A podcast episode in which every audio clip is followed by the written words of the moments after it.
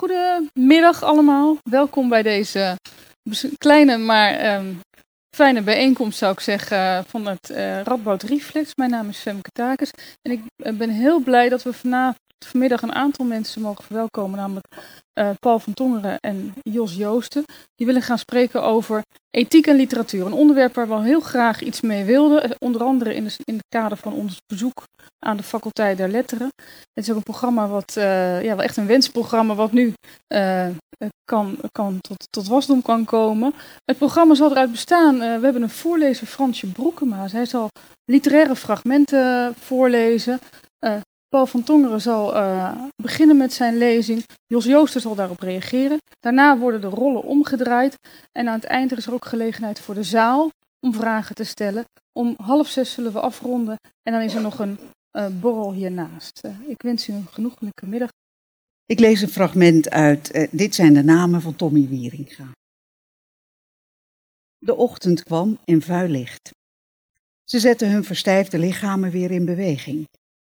S'morgens was het zand zwaar en nat. Het gras sloeg tegen hun benen. Halverwege de ochtend deed de jongen een belangrijke vondst. Een sigarettenpakje, half onder het zand.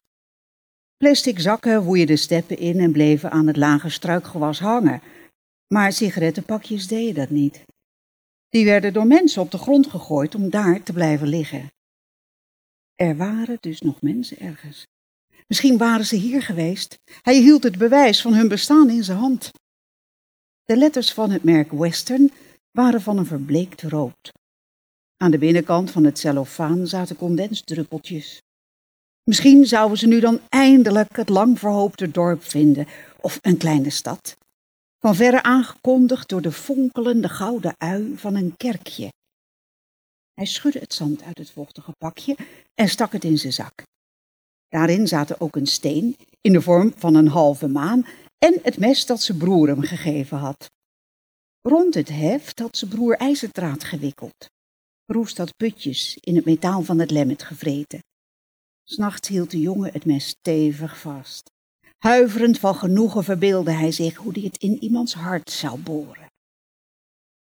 Zijn vingers gleden langs het cellofaan. Hij wilde de vrouw over zijn vondst vertellen, maar hield zijn kaken op elkaar. Het zou de betovering verbreken. Het was een teken speciaal voor hem. Als hij zweeg, zou het werkzaam zijn en anders niet. Dan zouden ze nog eeuwen door de vlakte dwalen, door zijn schuld, omdat hij zijn mond niet had kunnen houden. Hun voeten sleepten door het zand. Onafzienbaar was de ruimte waar ze doorheen trokken. Het landschap voor hen was precies hetzelfde als dat achter hen, en dat aan de rechterhand verschilde in niets van dat aan de linker. De enige richtsnoeren in de steppen waren de hemel boven hun hoofd en de grond onder hun voeten. Achter hen werden hun voetstappen vlug uitgewist. Ze waren voorbijgangers. Ze lieten geen sporen en geen herinneringen na. Toen de lange man rond het middaguur schreeuwde dat hij een dorp zag. Huizen, daar, dorp, dorp! Was de jongen niet verbaasd. Hij ontplofte zowat van vreugde, maar hij was niet verbaasd. Hij rende naar voren, waar de lange man met bevende hand in de verte wees. Waar? riep hij. Daar, de jongen zag niets, maar rende in de richting die de lange man gewezen had. De lange man zag dingen altijd eerder dan anderen. Hij was een geboren uitkijkpost. De jongen rende. Hij zweefde boven het zand. Daar ging een uitverkorene. Een jongen die God had uitgekozen om hem eerder dan de anderen op de hoogte te stellen van zijn bedoelingen. Hij voelde geen honger en geen vermoeidheid meer. Het gras ranselde zijn benen, zijn longen brandden in zijn borst. Hij zag de eerste huizen. Hé, hey, schreeuwde hij, om de mensen daar op de hoogte te stellen van zijn komst. Hé, hey, jullie daar! Het was een in de vlakte verzonken dorp, rond en afgesleten als geërodeerd gesteente. Hij rende op een grote schuur af. De spanten waren doorgerot, het dak hing door als de rug van een oud paard. De jongen rende een straatje tussen de huizen in, waarin het gras even hoog stond als in de vlakte. Een geluidloze gil steeg in zijn binnenste op. Maar zijn hersenen weigerden nog te aanvaarden wat hij zag. De lege, stomme ramen, de overwoekerde straten. Geen levende ziel. Hallo, schreeuwde hij. Is daar iemand? Zijn vraag kaatste tussen de huizen van leem en hout. Waar zijn jullie? Hij rukte aan de half vergane deuren. Hij rende het ene na het andere huis in. Leeg, leeg. En de mensen waren weg. In het hart van het dorp stormde hij een klein godshuis binnen. Het schaarse licht dat door de bovenramen viel, onthulde de verwoesting. Heilige boeken waren tot as en snippers vervallen. De koud geworden brand. De jongen baande zich een weg tussen geblakerde banken en kasten en klom naar het tabernakel. Daar zonk hij op zijn knieën. Hij boog voorover met zijn handen voor zijn gezicht en kermde als een gewond dier. Zo werd hij door de anderen gevonden. Het is niet gemakkelijk om uh, teksten te selecteren uit een roman. Teksten die dan fragmenten die kunnen worden voorgelezen. Je hebt natuurlijk de roman als geheel nodig. En diegenen die hem nog niet gelezen hebben, die mag je niet alvast stukken uit het eind laten lezen als ze überhaupt nog niet begonnen zijn. Dus ik heb maar twee stukjes genomen, zometeen komt het tweede stukje uit het begin van de roman. Eh, die in ieder geval ehm, een, een zekere indruk geven. Ik ga de roman ook niet samenvatten, dan alleen in heel korte termen iets aangeven van hoe die in elkaar zit en waar die over gaat. Er zijn twee verhaallijnen. De ene verhaallijn waar dit fragment uit komt, uh, gaat over een groep mensen. Soms kun je je afvragen en vraagt men zichzelf af in de roman of het nog mensen zijn. Een groep mensen, zeg maar, die we zouden aanduiden als vluchtelingen, daar kom ik later op terug. Vluchtelingen die uh, op zoek zijn naar het beloofde land en een verschrikkelijke tocht doormaken. Onder andere deze ervaring van te denken dat ze eindelijk een bewoonde wereld zien en dan blijkt het allemaal leeg en voorbij te zijn. De andere verhaallijn, waar we zo meteen een klein fragment uit horen, gaat, uh, speelt in een stad ergens in het oosten van Europa. Ergens in de buurt van waar ooit uh, het ijzeren gordijn geweest is, in de stad Michailopol. En daar is een sterk verloederde samenleving die beschreven wordt. En de hoofdpersoon binnen die verhaallijn is de commissaris van politie, een het Pontus Bech. Daar horen we zo meteen wat over. Wat er verder met die verhaallijnen gebeurt, daar zeg ik nu verder niks over. Want als u het nog niet gelezen hebt, dan zou het zonde zijn. Maar ik hoop dat iedereen het wel gelezen heeft natuurlijk. Goed. Toen Tommy Wieringa die roman schreef, uh, dat heeft hij gedaan in een periode dat ik hem heel regelmatig zag, want hij heeft dat geschreven voor het grootste deel in het NIAS, waar hij writer in residence was. En ik had het geluk om daar een jaar te mogen zitten in die periode. Dus we zagen elkaar bijna dagelijks bij de lunch, behalve als hij weer op reis was. Um, en hij sprak zo nu en dan over zijn project, zoals iedereen daar doet. En hij vertelde een keer dat de roman waar hij aan bezig was, wat dus deze roman geworden is, dat dat eigenlijk voor hem een experiment was. Dat wat hij wilde proberen is uh, in een roman de these van René Girard experimenteel te testen.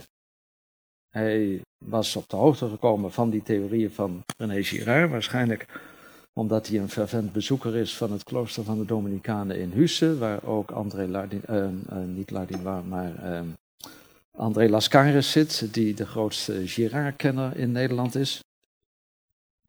En hij heeft ongetwijfeld daar veel over Girard gehoord.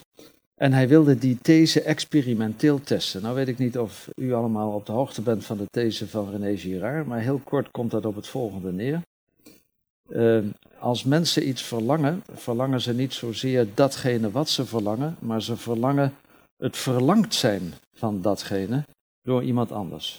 Het verlangen of het begeren gebeurt altijd in een driehoekstructuur. Ik begeer wat jij begeert en dat wat ik begeer wordt begeerlijk doordat jij het begeert. Dus ik begeer altijd in relatie tot het begeren van de ander. Dat is grofweg de beginthese van Girard. Sorry dat ik het nou wel heel kort samenvat. En vervolgens werkt hij dat uit door te zeggen, nou die structuur van het verlangen van mensen leidt ertoe dat er onvermijdelijk altijd rivaliteit zal zijn. Want het, het begeren begint met jaloezie, zou je kunnen zeggen. Dus rivaliteit is de normale situatie. Die rivaliteit werkt in een situatie, in een samenleving zo, dat er langzamerhand steeds meer conflicten ontstaan. Conflicten ontwikkelen zich zo dat er een polarisering ontstaat. Een polarisering ontwikkelt zich zo dat er langzamerhand één tegenover alles staat. Die ene, dat is de zondebok. En uiteindelijk is, het, is de afloop van het conflict dat de groep de zondebok de woestijn instuurt, vermoordt, uitsluit op een of andere manier, om daarmee zich te reinigen van het kwaad in de samenleving. En doordat die ene zondebok de woestijn ingestuurd wordt, dat wil zeggen, dat is de oud-testamentische variant ervan. En er zit heel veel Oude Testament in dat boek van Tommy Wieringa. De titel verwijst dan natuurlijk naar Exodus. Uh, doordat die ene zondebok de woestijn ingestuurd wordt of vermoord wordt, dat gebeurt in de roman, uh, herstelt de samenhang van uh, de samenleving zich, wordt er een soort reiniging in de samenleving doorgevoerd en kan de zaak weer van meet af beginnen. En dan zal het ook weer van meet af beginnen. Het is een cyclische beweging. Iedere keer begint opnieuw weer de rivaliteit. Ontstaat er weer een situatie met een zondebok die eruit gegooid wordt, die de samenleving reinigt. En het begint weer opnieuw. En volgens Girard, dat is het laatste stukje van zijn theorie, heeft het christendom daar een einde aan gemaakt doordat het het mechanisme van die zondebokstructuur aan het licht gebracht heeft en omgekeerd. Dat is nog een merkwaardige wending die, uh, die Girard eraan geeft nadat hij katholiek geworden was. Um, dat is grofweg de these van Girard. Uh, het is natuurlijk veel ingewikkelder en veel ingenieuzer, maar het komt een beetje op deze hoofdlijnen neer, denk ik. Tommy Wieringa was daarvan onder de indruk en wilde dat experiment, experimenteel toetsen. Ik vond dat interessant dat iemand in een roman een wijsgerige theorie gaat, eh, gaat, gaat toetsen. Dus we hebben daar veel met elkaar over gesproken.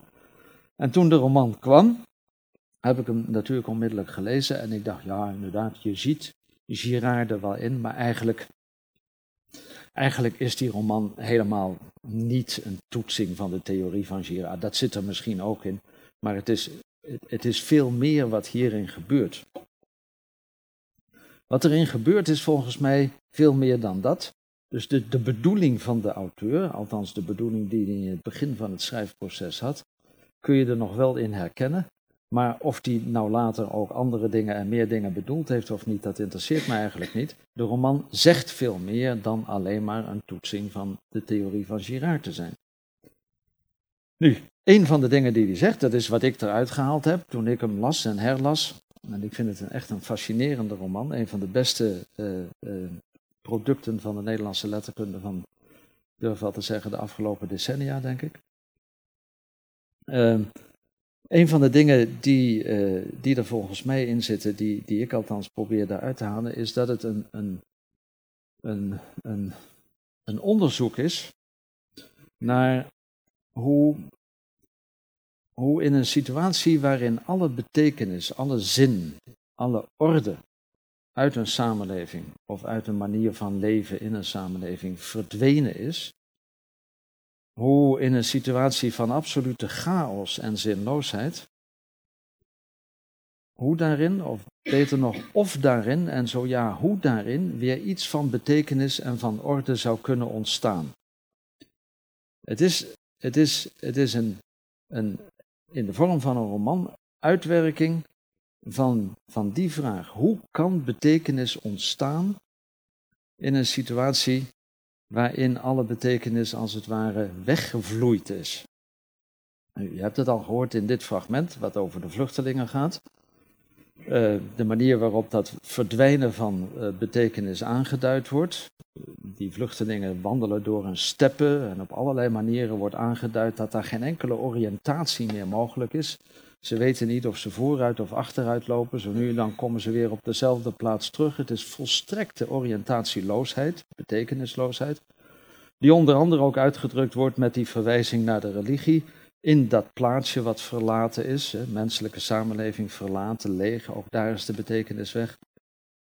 Vindt die jongen uiteindelijk een, een kerk waar die naar binnen gaat, waar ook alles verbrand en, en tot as vergaan is. En bij het tabernakel, waar hij uiteindelijk terecht komt, voor degenen die dat niet weten, de tabernakel is de plaats waar het allerheiligste bewaard wordt in een kerk.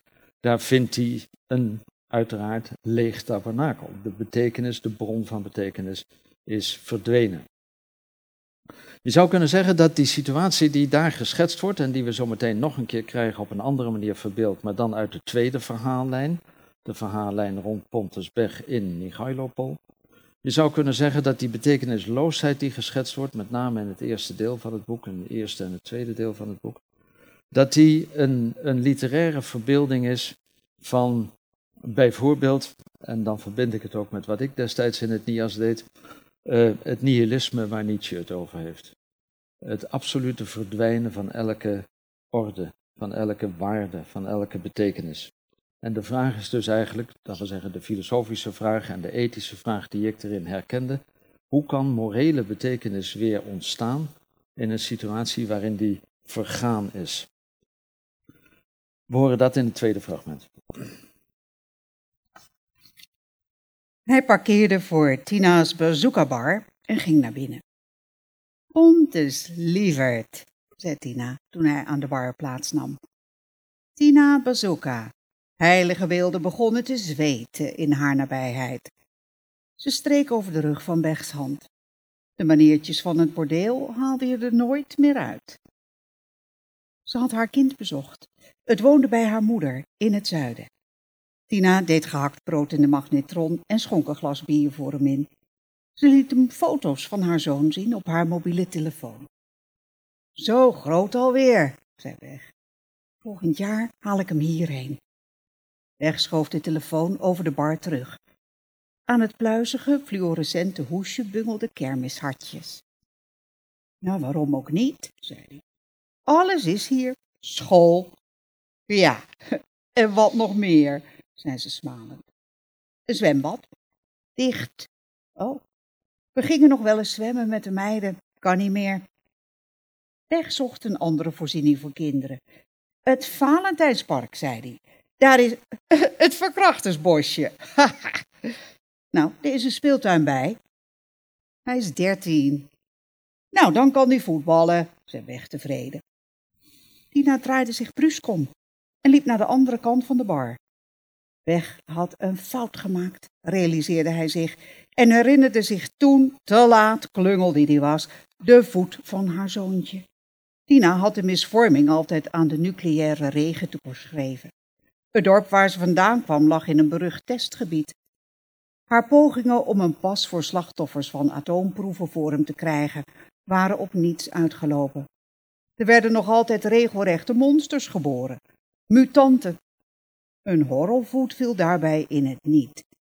En het hielp ook niet dat het kind in het ziekenhuis van Michailopol was geboren en waarschijnlijk in Morris was verwekt. Weg at gehakt brood en dronk zijn bier. Vanuit zijn ooghoeken keek hij naar Tina. Hoe konden ze zo groeien? Op haar boezem wiebelde een zwaar gouden kruis. Tina was uit het leven gestapt. Net als alle anderen in de bar vrat ook weg zich op van spijt. Onder haar klanten werd een grapje doorgegeven. Neem dit brood, want het is mijn lichaam, had Jezus van Nazareth tijdens het laatste avondmaal tegen zijn discipelen gezegd. Neem dit lichaam, want het is mijn brood, zei Tina Bazooka tegen haar klanten. Toen ze een bar opende, waren de meeste klanten haar gevolgd. Haar gehakt brood smaakte iedereen uitstekend, maar haar lichaam was ze duizendmaal liever geweest. Nou, het was onwennig in het begin, maar iedereen deed zijn best. Eigenlijk, vond Beg, was de transitie wonderbaarlijk vredig verlopen. Misschien was het omdat ieder zijn deel van haar had gehad, dat niemand klaagde. Eigenlijk zie je daar hetzelfde in de andere verhaallijn. Zelfs de seculiere uh, gedaante, zou je kunnen zeggen, van de religie, in plaats van de instellingswoorden van de, de Eucharistie, is het uh, de, de hoere madame die zegt: Neem dit lichaam, want het is mijn brood. Uh, zelfs dat is er niet meer. Dus zelfs de parodie van de betekenisvolle structuur is verdwenen. Uh, goed, dat is allemaal om, om volgens mij de belangrijkste basis van het boek naar voren te brengen. Maar het zou hier moeten gaan over ethiek en literatuur, of literatuur en moraal. Daar kom ik nu op, heb ik nog drie minuten voor, geloof ik. De vraag hoe er nog betekenis, ook morele betekenis, waarde, mogelijk is na het nihilisme of na datgene wat Nietzsche de dood van God noemt, is iets wat volgens mij helemaal in die roman door en door uitgeprobeerd en uitgezocht wordt. Op allerlei interessante en spannende manieren die ik niet allemaal uiteen ga zetten. Wat heeft dat te maken met de relatie tussen ethiek en literatuur? Ik denk dat ik het zou willen samenvatten in een stelling dat de ethiek van een, of de moraal van het verhaal, de ethiek eh, van de literatuur, niet zozeer in de bedoeling van de auteur zit. De bedoeling, nogmaals, van Tommy Weringa was blijkbaar om René Girard te, te, experimenteel te testen. De, bedoeling, de ethiek van de literatuur of de moraal van het verhaal zit niet zozeer in de bedoeling van de auteur, maar zit in de ervaring van de lezer. Deze lezer las het boek en las het boek als een, als een, als een, als een onderzoek naar hoe we überhaupt tot morele betekenissen kunnen komen. En zeker hoe we daartoe kunnen komen nadat een traditie van betekenis vergaan is, nadat we in een soort betekenisloosheid terecht zijn gekomen. Er is nog een andere manier waarop ik die stelling kan uh, aanduiden. Het boek is geschreven voordat datgene wat we tegenwoordig de vluchtelingencrisis noemen, uitbrak. Er waren natuurlijk altijd al vluchtelingen, we hebben allerlei periodes van vluchtelingen gehad en er waren ook in de tijd dat het boek verscheen, een aantal jaren geleden, al wel eens bootjes die de Middellandse Zee overstaken. Maar de grote vluchtelingenstroom, met de, de rampzalige toestanden op Lampedusa eerst en daarna aan de, aan de grenzen van Europa in de Balkan, die bestonden nog niet op dat moment. Als je het boek leest nadat dat eenmaal wel gebeurd is, dan kun je haast niet anders. En zelfs Tommy Wieringa zelf kan tegenwoordig niet meer anders dan het boek te lezen als een verbeelding, als een literaire verbeelding van wat het betekent om op de vlucht te zijn. Het speelt precies in die contraien. ze zijn een beetje vager geworden. Het zijn, die stad Michailopol bestaat niet, maar ja, je kunt makkelijk denken aan, weet ik wat voor steden aan de rand eh, zeg maar, eh, van Europa. Uh, het speelt precies in die contraien waar we op dit moment en de afgelopen weken de grootste en de meest rampzalige uh, taferelen gezien hebben. En de mensen waarvan we nu de verslagen lezen in, in elke krant, elke dag opnieuw, verslagen van de tochten die ze hebben doorgemaakt, hoe ze op bootjes in Europa, hoe ze door onherbergzame gebieden gelopen hebben, hoe ze zich in leven hebben gehouden, de tijd totdat ze eindelijk hier aankwamen. Het is precies dat wat hier in dit boek beschreven wordt over die groep gefantaseerde vluchtelingen, waarover die eerste verhaallijn gaat. Zelfs Tommy Wieringa was onlangs op televisie om te zeggen hoe die in verschillende landen, ik geloof dat het toen over Italië ging, voortdurend geïnterviewd wordt over de vluchtelingencrisis, omdat zijn boek, als het ware, precies duidelijk heeft gemaakt wat daar gebeurd is. Het morele appel wat daaruit voortkomt, want dat is een van de manieren waarop betekenis weer ontstaat in een betekenisloze situatie, dat er een soort moreel appel doordringt door de betekenisloosheid, gebeurt op het eind van het boek volgens mij, dat moreel appel wat uit het boek voortkomt, is een moreel appel wat wij nu herkennen in onze ervaring met de vluchtelingen. Het is de lezer en daarmee de tijd waarin de lezer leest, die bepaalt wat de moraal van het verhaal is. Hij kan dat er niet ingelegd hebben, want die vluchtelingenproblemen waren er op dat moment nog niet. Maar het is onmogelijk om het boek nu te lezen zonder te denken aan de ellende, aan de nood, aan, aan, het beroep wat vluchtelingen op ons doen. Zelfs voor de auteur. De bedoeling van de auteur wordt overroeld door de ervaring die de auteur als een lezer van zijn eigen boek maakt. Op dit moment leest Tommy Wieringa zijn eigen roman anders dan toen hij het schreef. Het is de lezer die uiteindelijk de morele betekenis van het verhaal eh, bepaalt en het is daarmee de tijd waarin het gebeurt. Want de lezer van nu is niet dezelfde lezer als de lezer van vijf jaar geleden en is niet dezelfde lezer als de lezer in een ander land, in de taal waarvan het boek uh, vertaald zal worden. De moraal zit in de lezer en alleen maar op die manier ook in de schrijver, denk ik, voor zover de schrijver namelijk ook een lezer is en zal dus ook veranderen met de tijden waarin gelezen wordt. Omdat uh, nog met een laatste opmerking uh, aan te vullen. Um, als ik het op die manier heb over de moraal van het verhaal of de ethiek van de literatuur, dan heb ik het over moraal in een andere zin dan waarin de moraal spreekt over uh, verplichtingen die we hebben ten opzichte van de ander of ten opzichte van een samenleving. Dat is alleen maar een onderdeeltje van datgene wat ik uh, moraal zou willen noemen. Er zijn nog andere morele problemen dan uh, dit soort van sociale en maatschappelijke problemen. Um, de vraag hoe ik mijn eigen leven de moeite waard laat zijn.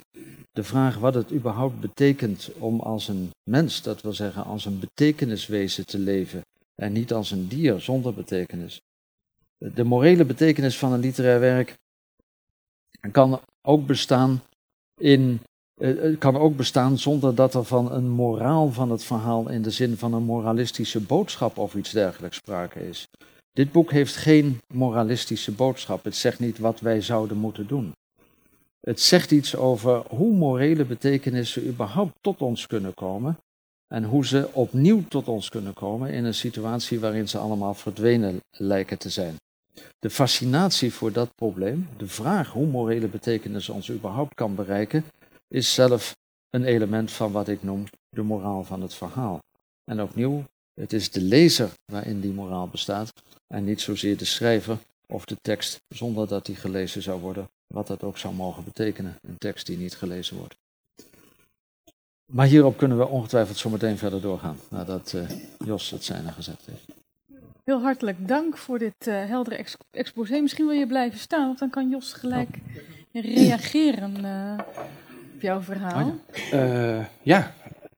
Ik, ik ben bang dat wij met het probleem te maken krijgen wat wij de voorbespreking ook al hadden. Dat we het eigenlijk veel te veel eens zijn met elkaar. Dat wordt, geen het wordt een veel te gezellig gesprek. En dat is natuurlijk jammer eigenlijk, want u bent natuurlijk gekomen om bloed te zien en grote uh, ellende te horen. En ja, het enige wat echt niet leuk aan jouw verhaal was, is het feit dat ik het laatste blaadje van mijn eigen verhaal weg kan gooien. Omdat dat er ook op uitkomt dat het inderdaad de lezer is die het allemaal uitmaakt. Uh, toch zijn er wel een paar dingen die, die me eh, heel erg opvielen. Ten eerste wat ik grappig vind, maar dat is meer een beetje uit mijn achtergrond als, uh, als, als uh, ja, uh, Neerlandicus. Dat idee om experimenteel te testen, dat is eigenlijk een heel klassiek idee. Dat is eigenlijk opgekomen in de tijd van de naturalistische roman. Toen de schrijver inderdaad het idee had dat de roman een soort van laboratorium was. En ik vind het heel aardig om dat eigenlijk nu weer terug te zien eigenlijk in de 21ste eeuw als een soort van techniek om inderdaad allerlei mensen eens kijken wat er gebeurt als ik die nou dat laat doen. Dat er inderdaad een soort van terrarium is waarin je met je schepping bezig is. En ik vond het eigenlijk heel interessant om dat uh, uh, terug te zien. En dan is het helemaal natuurlijk heel aardig dat als jij niet met Wieringa te maken had gehad, misschien het hele idee van Girard niet eens in je hoofd opgekomen zou zijn, of hooguit uh, terloops. Um, wat ik heel interessant vind ook, en, maar dat is ook weer een punt waar ook in de literatuur discussies over engagement het al vaak gegaan is, soms zelfs heel radicaal, inderdaad de mate waarin een tekst zich in dat vormt naar de omstandigheden. Ik herinner mij een wat uh, uh, fel oplopende discussie toen de tijd tussen de uh, tegenwoordig Vlaamse essayist Mark Reugenbrink en Arnold Heumakers over inderdaad een soort van engagement waarbij dus op een gegeven moment gezegd werd, na de Tweede Wereldoorlog kan niemand een roman schrijven met rokende schoorstenen zonder dat van Auschwitz moeten denken. Wat natuurlijk een ongelooflijke boetade is, maar in zekere zin is dat radicaal uitgedrukt, wat jij volgens mij ook zegt van elke ingrijpende gebeurtenis maakt een tekst ook weer anders. En dat maakt natuurlijk inderdaad het uh, engagement uh, van die tekst uit. Um, wat ik dan wel heel interessant vind, en misschien is dat wel iets om over door te praten, is natuurlijk uh, de kwestie, want daar zal een deel van mijn verhaaltje ook over gaan, over het moment dat er toch inderdaad een moraal te destilleren valt uit een verhaal. En ja, de moraal moeten we eigenlijk niet zeggen, want dat klinkt heel erg als het sprookje en nu de moraal. Ten eerste is het iets waar iedere schrijver, zodra je hem interviewt, uh, allergisch op reageren zal. Nee, er zit geen moraal in mijn verhaal. Nee, er zit geen boodschap in. Boodschappen doe je bij de supermarkt. Er is zo'n vast rijtje van eigenlijk uh, boutades waarmee op gereageerd wordt. Maar jij laat toch zien dat er op een of andere manier een moraal in dat verhaal zit.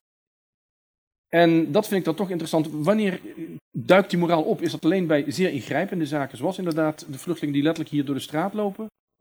Of, want jij zei ook iets van ja, het kan ook iets particulierders zijn. Hoe openbaart zich die moraal in jouw uh, optiek?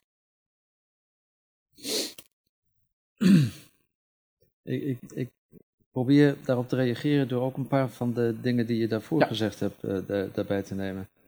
Ehm, wat mij in die idee van het experiment, waarvan ik inderdaad ook in recensies las dat dat uit de naturalistische roman eh, komt, wat mij daarin zo bevreemdt, is dat het suggereert dat de auteur ehm, eh, eh, beheerst wat hij doet als hij als die schrijft.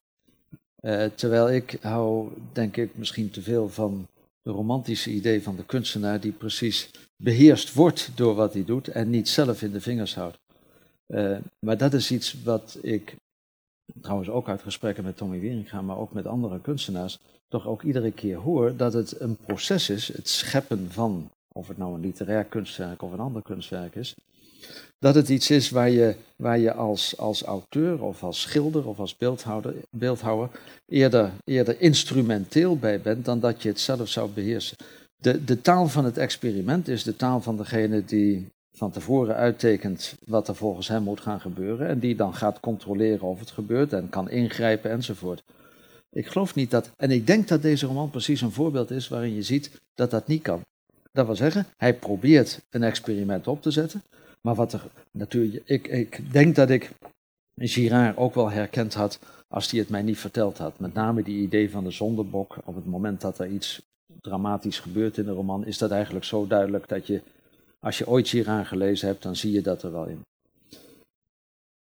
Maar dat het voor hem een experiment was met de theorie van Girard, bewijst voor mij, of bevestigt voor mij nog een keer, dat een auteur helemaal niet de experimentator kan zijn. Want er gebeuren veel belangrijker dingen dan dat. Dat wil zeggen, dat is wat hij probeerde te doen. Maar in feite gebeurt er in zijn kunstwerk, in deze roman, dingen die veel belangrijker zijn, die veel, die veel interessanter zijn. Waar overigens jouw positie als lezer al heel erg benadrukt wat belangrijk en niet belangrijk is. Jij bent Ja. degene het eigenlijk uitmaakt wat belangrijk is. Ja, dat zou ik wel willen verdedigen. Dat de lezer maakt uit eh, wat, wat belang... De, de, de lezer altijd in dialoog met de Mhm. tekst. Dat wil zeggen, de lezer kan nooit definitief bepalen wat er belangrijk is. Maar de auteur kan dat ook niet, tenzij, of niet tenzij, maar alleen maar voor zover ook de auteur een lezer van zijn werk is, eh, bepaalt hij dat ook. In dialoog met de tekst die onder zijn handen ontstaat, zou ik zeggen. Eh, en als je dan zegt, wanneer of waar duikt de moraal op? Wanneer gebeurt dan zoiets wat van morele betekenis is? Ja, dan zal dat dus ook zijn in die dialoog tussen het werk en de lezer ergens. En dat heeft te maken met al die, met, met dingen die in de roman gezegd worden, maar dat heeft te maken met dingen die in de persoon die het leest eh, gebeuren. En dat heeft te maken met de wereld waarin die het leest. Dus ik denk dat je, eh, we hebben net ook in de afgelopen weekend weer zo'n zo'n stuk in de NRC gehad van Doutsenberg nu over het maatschappelijk engagement. Waar die, waar die als het ware suggereert, en de cartoon die daarbij stond maakte die suggestie nog sterker, eh, dat eh, de meeste auteurs zich als het ware verstoppen voor de wereld, dat ze onder het bureau kruipen om vooral maar niks te zien van de maatschappelijke realiteit en dan hun kunstwerk maken. Waar hij natuurlijk heel te- sterk tegen fulmineert. Ik denk dat daar geen sprake van is, maar dat de manier waarop de buitenwereld op jou inwerkt, eh, een van de elementen is die bepaalt wanneer een bepaalde morele betekenis naar voren komt. Niet omdat jij die gepland hebt, maar omdat jij in een bepaalde constellatie het werk leest. En, en hoe overstijgt dat dan? Want dat is natuurlijk een interessante vraag, denk ik. Eh, hoe, overstijgt dat, dat dan het de individuele leeservaring van jou als individuele lezer? In hoeverre kun jij zeggen van, ik lees dit nu als roman die eigenlijk ook over de vluchtelingen gaat, maar daar, daar kan ieder in de zaal hier zijn eigen verhaal van maken. Wat betekent dat voor die moraal? Dat het ook echt een moraal is die jij met jouw levenservaring, leeservaring en eh, werkelijkheidservaring erin stopt? Of is die toch op een niveau aanwezig dat ook zeg maar eh, intersubjectief te maken valt? Nou, volgens mij is het een hele complexe eh, aangelegenheid. Ehm, dus ik denk dat, dat elke betekenis altijd, eh, maar dat zou om een hele uitwerking vragen, dat elke betekenis altijd om intersubjectiviteit vraagt. Dat wil zeggen, betekenis is, is iets wat je enerzijds waarneemt.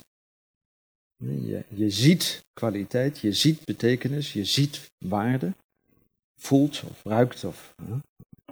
Ehm, maar tegelijkertijd is datgene wat je ziet als betekenis, als kwaliteit, als waarde, Iets wat je nooit kunt vastpakken, kunt vastleggen, kunt, kunt, kunt, kunt objectiveren en kunt bewijzen, bij wijze van spreken. Dat wil zeggen, datgene wat je ziet als betekenis of betekenisvol, is altijd getekend door een onzekerheid. En die onzekerheid dwingt je om, als het ware, aan anderen, soms letterlijk en soms als het ware, aan anderen te vragen of ze die betekenis ook zien. Als ik een roman lees en ik lees daarin dat het over vluchtelingen gaat, dan hoef ik eigenlijk niet meer te vragen aan mensen, zie je dat er ook in? Ik kan mij niet voorstellen dat iemand die nu in onze konterijen leeft en dit boek leest, dat hij niet denkt aan wat hij elke dag in de krant en op het journaal ziet. Dat kan haast niet anders. Dat wil zeggen, daar is de intersubjectiviteit al zo sterk gegeven dat dat niet eens meer gevraagd hoeft te worden. Maar andere dingen, als ik zeg, volgens mij is het ook een soort experiment, als het ware, maar niet op de, op de wijze van de laborant. Maar is het een experiment met die, met, die, met die these van het nihilisme van Nietzsche? Stel dat alle betekenis verdwijnt, hoe kan er dan weer iets als betekenis ontstaan?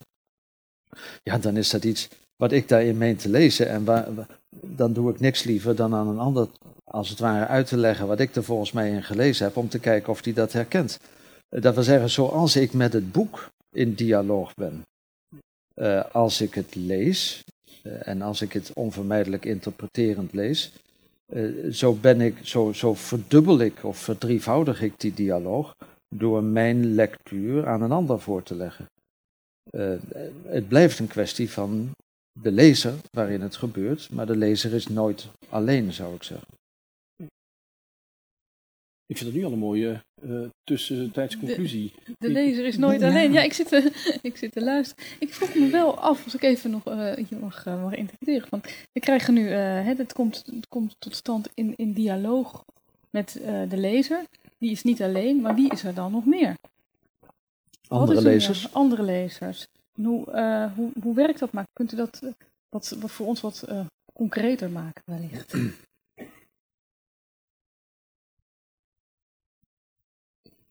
Um, in in de, de, het bericht wat uh, mijn collega gisteravond op Facebook zette, en waar die op de eerste plaats zei, waar ik het zonder meer mee eens ben, maar dat gaat hij zo meteen misschien uitwerken, dat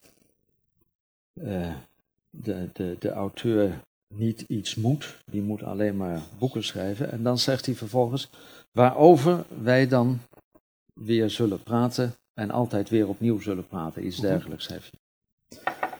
Dat is denk ik wat we onvermijdelijk doen. Dat we mhm. zeggen, dat wat je ziet in een roman, dat dwingt je bijna om het te zeggen wat je mhm. gezien hebt uh, letterlijk te zeggen tegen iemand anders met wie je erover spreekt, of als je in een leesclub zit met de andere uh, leden van, van de leesclub.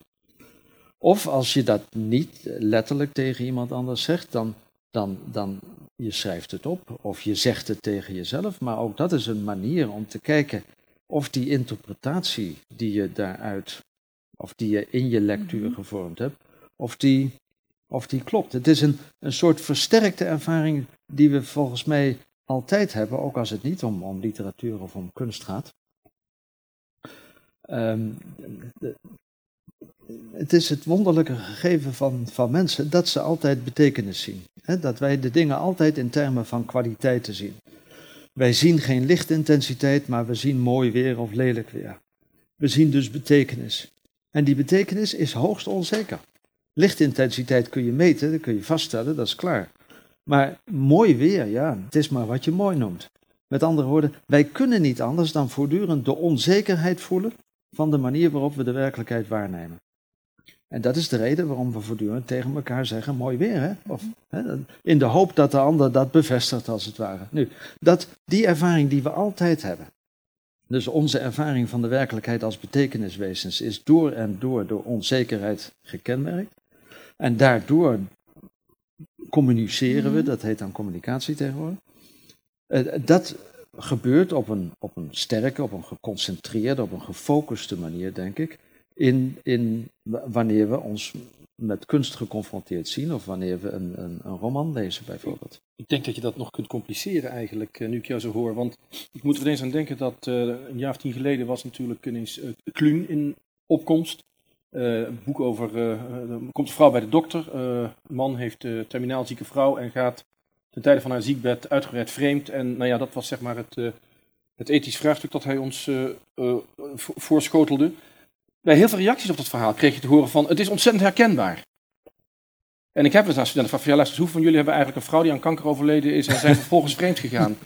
Dat is niemand natuurlijk. Dat herkenbaar zijn is eigenlijk een hele rare, en daar komt een hele tamelijk bizarre eh, staartje aan, dat ik het boek een keer heb voorgeschreven bij een cursus literatuurkritiek. Ik laat dan ook studenten vaak een, een, een, een andersoortige, minder literair roman recenseren.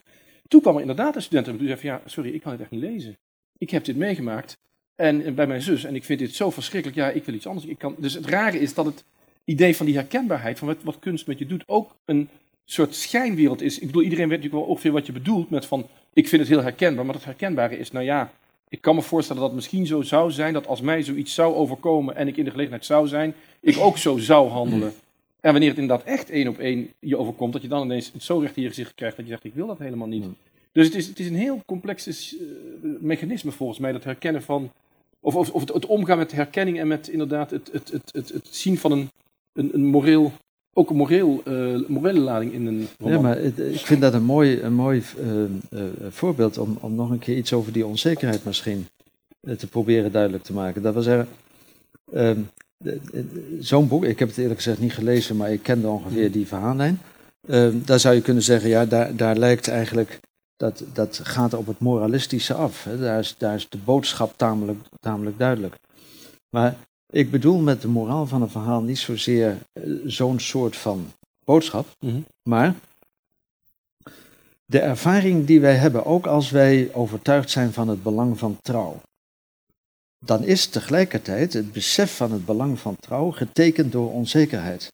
Want je weet nooit, je, je, je, je kunt dat niet bewijzen, je kunt dat niet tot object maken. Dat is van de orde van de betekenis en daardoor door en door door onzekerheid gekenmerkt. Nu, de confrontatie met de onzekerheid, ook in onze vaste overtuigingen. Dat is, vind ik, wat de morele betekenis van een roman is. Niet dat hij mij leert dat iets niet mag of dat ik iets zou moeten, Mhm. maar dat ik geconfronteerd word met ook de onzekerheid in morele betekenissen waar ik van overtuigd ben of waar ik van droom of waar ik, wa- wa- wat dan ook. Dus in die zin is, is, is die, dus het, het betekeniskarakter van de werkelijkheid en de manier waarop dat in een roman naar voren komt, dat zou ik zeggen is de kern van wat de morele betekenis van literatuur is. Ik denk dat het een mooie afronding is. Zouden we dit mogen samenvatten dat literatuur van ons ethische wezens maakt?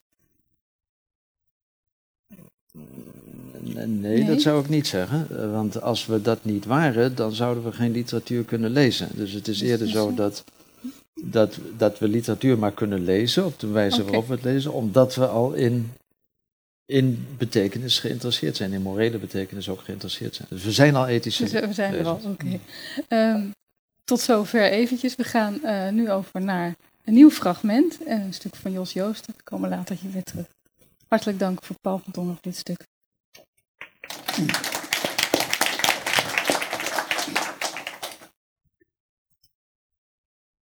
Maarten van der Graaf. Vrije encyclopedie. 1. Laat ik je vertellen wie ik ben. Dan kunnen we eindelijk verder. Je kijkt naar een schilderij en voelt dat je contouren onvrijwillig zijn. Ik kijk en zeg met achterloze stem die enthousiasme verraadt iets over de Bijbel en of de Grieken en als je geluk hebt, iets over Mohammed, vrede zij met hem, of Japanse prentkunst en de invloed van Japanse prentkunst op de hedendaagse pornografie. Want daar ben ik ook niet vies van. Een beetje flirten met de grenzen tussen hoog en laag. En jij vindt het grappig, want ik doorspek mijn betoog met ironische terzijdes. Ik ben een fascinerende kerel. Ik maak me kwaad authentiek kwaad. Ik ben heerlijk tegendraads. Radicaal, belezen, zelfverzekerd, bescheiden als het moet. Ik maak je aan het lachen. Ik blijf een mysterie. Ik ben een dier met koudwatervrees, net als jij. We spelen het menselijk drama, het mysterie, zodat we ons niet kapot vervelen zodat we niet nu al te vroeg opgeven. De crisis is heerlijk. De crisis is een mysterie. Het kapitalisme is heerlijk. Deconstructie is heerlijk. Verzet is een mysterie. Blondie, jij ligt naast mij. Je slaapt. Buiten is het nacht of ochtend. Er is veel verdriet en de tramtijden zijn veranderd. Ruk de wereld uit mijn handen, ik maak er niks van. Maxime Verhagen heeft geen ziel. Mijn vrienden en ik, wij weten dit en wenden ons af van Maxime Verhagen. Oktober 2011, namiddag, weinig gegeten, telefoon kwijt. Wij gaan naar een expositie aan de rand van Breda, omdat Maxime Verhagen geen ziel heeft. Deze zinloosheid voelt heerlijk. Omdat het heerlijk is een eigen tragiek te hebben en daarvan te eten tot het holle gevoel in je maag weg is. 2. Baldadigheid en intelligentie. Nectar. Zou Lucas Huske mij leuk vinden? Dat zou heerlijk zijn. Zou Lucas Huske wel eens aan mij denken wanneer hij niet in slaap komt? Facebook is heerlijk. Ontevredenheid, ongemak, zelfhaat, onbehagen en antiburgerlijkheid zijn hartstikke mega heerlijk. Jeroen Mettes is een mysterie. Zou Geert Bulens mij leuk vinden? Oh, dat zou heerlijk zijn. Als Geert Bulens ziet dat ik iets ga zeggen over Jeroen Mettes, zou hij dan denken, hij? Gaat hij iets over Jeroen Mettes zeggen? Wat weet hij daarover te vertellen? Dat er geen mysterie is, is heerlijk. Dat besef. De vrije markt is een moordmachine. Heerlijk. Ontmaskeren is heerlijk. Ik ben er, ik ben er en ik ben er. Geert Bulens, vind je mij leuk? Lucas Huske, denk jij aan mij? De sfeerfysieke is een levensvervulling. 3. Ook zakenlui varen op de sterren. Beste gruweletser, op de Donaudreef hebben wij geleerd wat verveling betekent. Wat het niet betekent is leegte, verlangen, het fletsige scharrel buiten. Verveling betekent murmelen op laag vuur. Jij had het over traditie laatst en toen dacht ik, traditie is luxe. In een neerstortend vliegtuig is er geen tijd voor traditie. Er is over het algemeen weinig comfort in een neerstortend vliegtuig, laat staan luxe. Ik wil elke dag het gevoel hebben in zo'n vliegtuig te zitten, neer te storten. Het gevoel elke dag in een neerstortend vliegtuig te zitten is schuldgevoel. Wij weten dat dit niet het geval is. Je moet gevaarlijk leven, zei jij eens. En toen moest ik lachen. Soms denk ik dat ons drankgebruik ook schuldgevoel is. Bij gebrek aan instorting maken wij ons lichaam kapot. Breken wij met ons lichaam. Een omhelzing is niet extreem genoeg. Een omhelzing is niet spectaculair. Ik kaap jouw slaap. Daarom schrijf ik dit bericht. Reindert is alleen op de laan van Chartoise achtergebleven. Hij parkeert gestolen fietsen waar vorige week nog mijn bed stond. Ik heb geslapen op de plek waar nu minstens twee gestolen fietsen staan, dacht ik laatst. Van schrik liet ik een product vallen. Een rond product, een rustiek product. Het brak niet. Misschien kan het wel niet worden gebroken. Misschien is dat waarom wij drinken, omdat er rustieke producten zijn. Er zijn rustieke producten. Wie zoiets bedenkt, slaapt niet meer. Mensen met slaapproblemen moeten sowieso drinken, alles gaat er net eventjes soepeler. Blondie, je ligt naast me en je slaapt. Buiten is het nacht of ochtend. Ja, Maarten van der Graaf, uh, voorgelezen door Hansje Broekema uit de bundel Vluchtautogedichten. Uh, een uh, poëziebundel die in zekere zin enigszins typerend is, illustratief is voor wat er op dit moment met het genre poëzie gaande is. eigenlijk zit Maarten van der Graaf in een hele merkwaardige spagaat. Hij is aan de ene kant een jonge dichter die een groot aantal van deze gedichten al heeft voorgepubliceerd op zijn eigen blog, waar hij ook andere zaken becommentarieert. Dus hij is in die zin zeer betrokken op wat er op dit moment gaande is in de literaire wereld, maar ook in de wereld daar rondom. Aan de andere kant is de bundel uitgegeven bij, denk ik, op dit moment een van de serieus vooraanstaande literaire uitgeverijen, Atlas Contact. Uh, zeker voor poëzie een uh, samenvoeging van de uitgeverij Atlas en Contact sinds twee jaar. Atlas was zeker voor poëzie altijd een van de serieuze uitgeverijen, is dat nog steeds. En niet alleen dat, de bundel is bekroond met de C. Buddingprijs voor het beste debuut. En heeft, en dat is helemaal vrij uniek voor een poëziebundel, drie herdrukken gekend, vlak achter elkaar. En dat dus terwijl eigenlijk bijna alles wat in die bundel staat ook gewoon op internet na te lezen is. Dus het is iets vreemds. Het is voor een dichtbundel, zeker van een jonge dichter, een succesverhaal in de traditionele zin. Inclusief de recensies en persaandacht, die je ook weer krijgt met het toekennen van die prijs. Zijn tweede bundel verscheen dit jaar, Doodwerk. En ook die heeft meteen een herdruk gekend. Des te merkwaardiger is het nog, omdat, jullie horen het al, het op zich ook weer niet per se Jean-Pierre Rabhi is wat we hier horen. Ik vind sommige flarden zonder meer heel geestig in deze poëzie, maar het is tegelijkertijd ook niet poëzie waarvan je nu meteen denkt van hé, hey, uh, dit is, uh, waar zit hier de moraal? En daar zouden we het vandaag dus eigenlijk over gaan hebben. Ik heb een verhaaltje voorbereid. En voor als ik het niet meer wist, viel gelukkig dit boek uit de kast. Forme de l'engagement littéraire van de 15e tot 21e eeuw. Dus als ik het echt niet meer weet, kan ik hier een stukje uit voorlezen. En dan weten we hoe het allemaal weer zit. Ik ben um, uh, engagement, en dat hebben we eigenlijk al gemerkt in het vorige gesprek uh, over uh, Wieringa met, met Paul van Tongen. Engagement, ik, ik heb het over engagement, want dat was eigenlijk volgens mij ook ooit de opdracht. Maar ik denk eerlijk gezegd dat je het ook moraal of ethiek mag noemen, zeker zoals ik het erover heb. Is een heet hangijzer. Als je heel cynisch wilt doen, dan zeg je als een organisator van een literaire middag of een praatmiddag het niet meer weet, dan doe je maar een keer engagement en dan valt er altijd wel iets te praten. Als je er minder cynisch over doet, en dat doe ik nu, dan uh, moet je vaststellen dat het inderdaad een onuitputtelijk onderwerp is en misschien wel gaat over iets dat literatuur bij uitstek belangrijk maakt. Zelf ben ik ooit, al een hele tijd geleden, gepromoveerd op een tijdschrift, een Vlaams literair tijdschrift, en het heette Tijd en Mens. Dat zal u niet meteen iets zeggen, maar het, was, het bestond van 1949 tot 1955.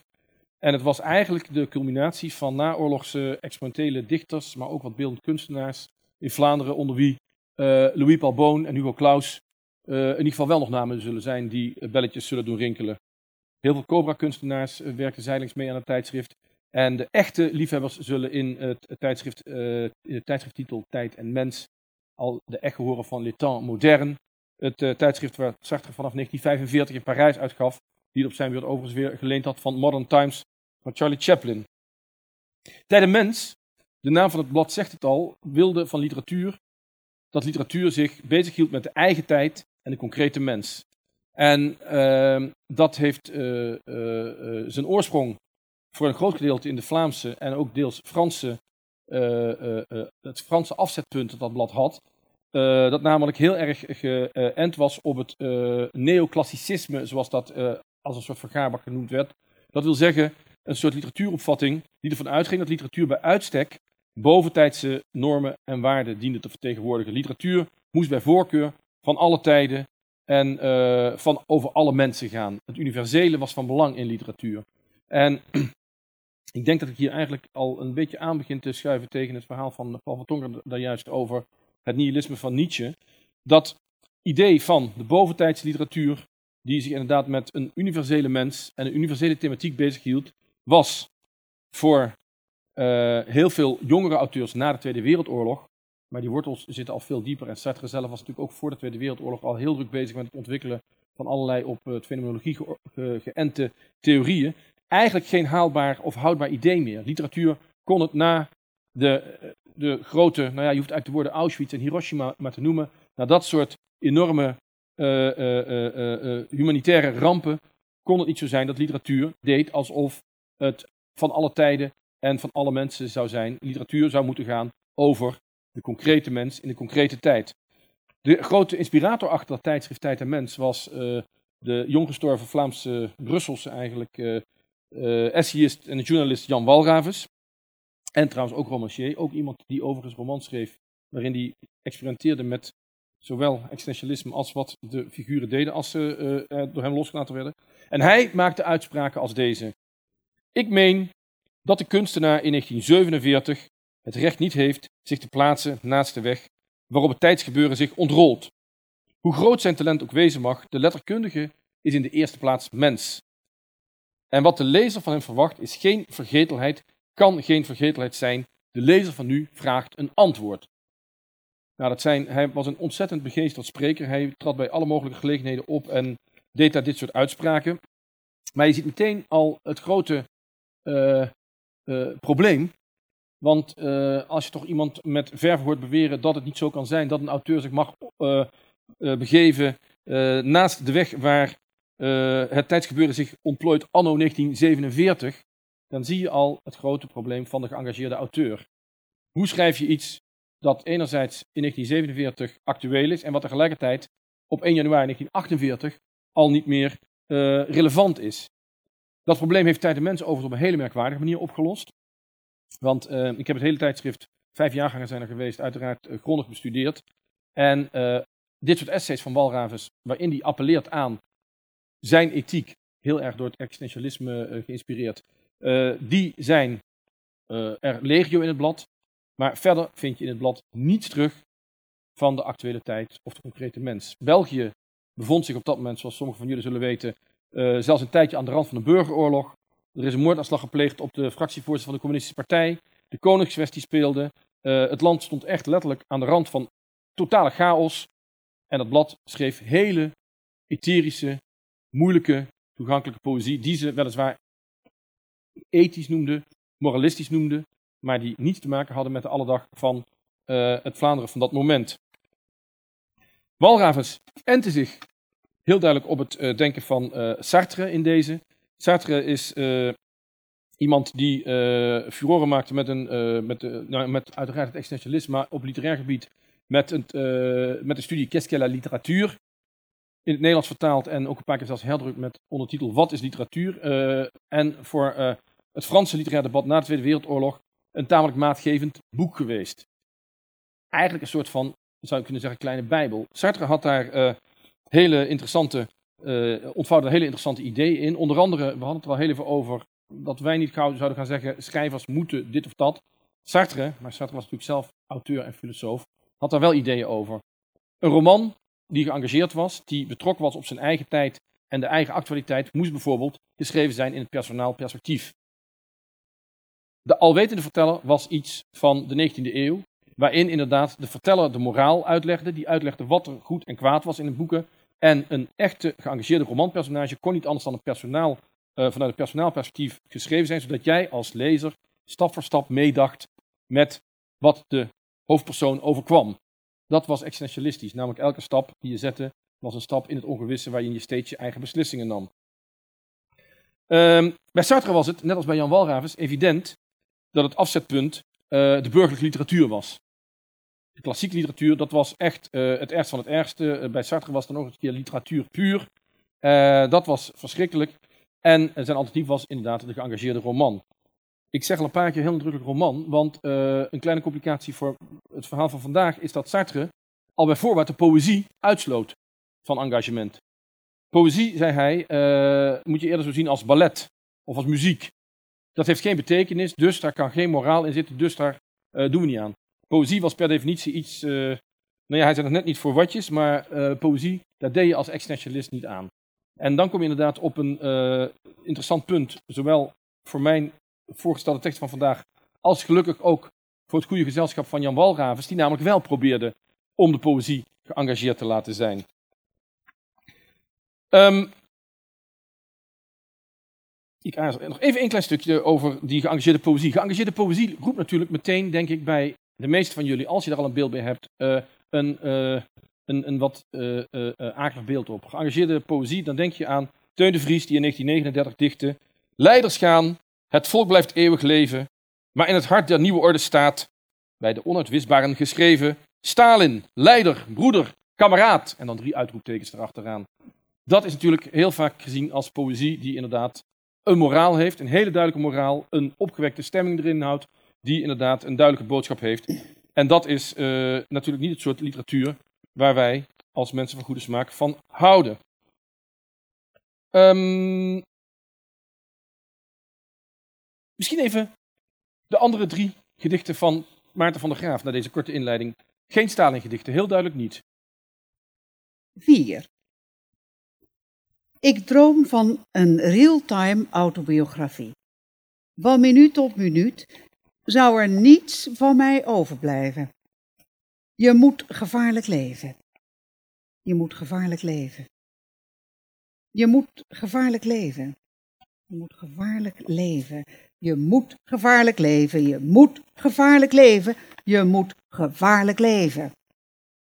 Je moet geen uitgelezen wijnen drinken. Je moet geen uitgelezen wijnen drinken. Je moet geen uitgelezen wijnen drinken. Je moet geen uitgelezen wijnen drinken. Je moet geen uitgelezen wijnen drinken. Ik verwachtte altijd dat de bibliothecaresse zou zeggen: Jij hebt een goede smaak, jongeman. Rotterdam is niet cameragevoelig, zei ik tegen mijn oma, die in Zuid woonde, driehoog. Maar ze keek naar een land vol wind en gruis op het scherm. De bibliotheek weerhield mij van zelfmoord. De bibliotheek weerhield mij van zelfmoord. De bibliotheek weerhield mij van zelfmoord. De bibliotheek weerhield mij van zelfmoord. De bibliotheek weerhield me van zelfmoord. De bibliotheek weerhield me van zelfmoord. Ik zag Rutger Kopland in blinde paniek zoeken naar dat en dat gedicht. Tonnes Oosterhof sterft misschien opmerkelijk vroeg, of hij sterft met een hond in zijn achterbak op de snelweg. Jules Deelder moet op het podium sterven. H.H. Terboogst staat ergens langs de weg te wateren en dan gebeurt het. Niet zoals hij heeft geleefd, want zo sterven is sentimenteel en bovendien een leugen. Duinker krijgt niets en wordt oud. Hij neemt de prijs der Nederlandse letteren fluitend in ontvangst. Frank Koenegracht en Anneke Brassinga sterven op dezelfde dag, maar in een ander jaar. Tom van Hof schrijft in zijn laatste weken de bundel Nonsens is liefde.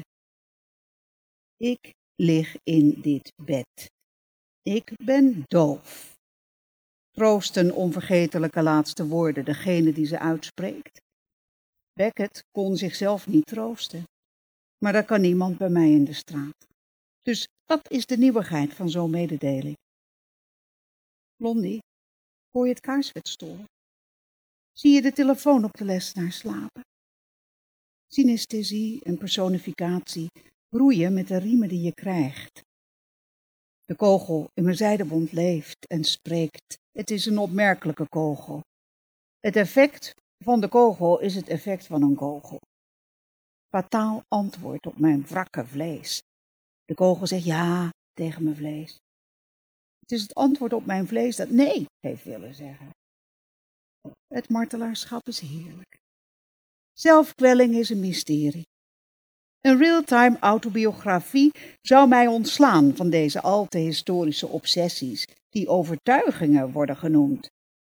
Wie zichzelf met de beste wil van de wereld niet meer kan kwellen, is gelukkig. Volmaakt gelukkig.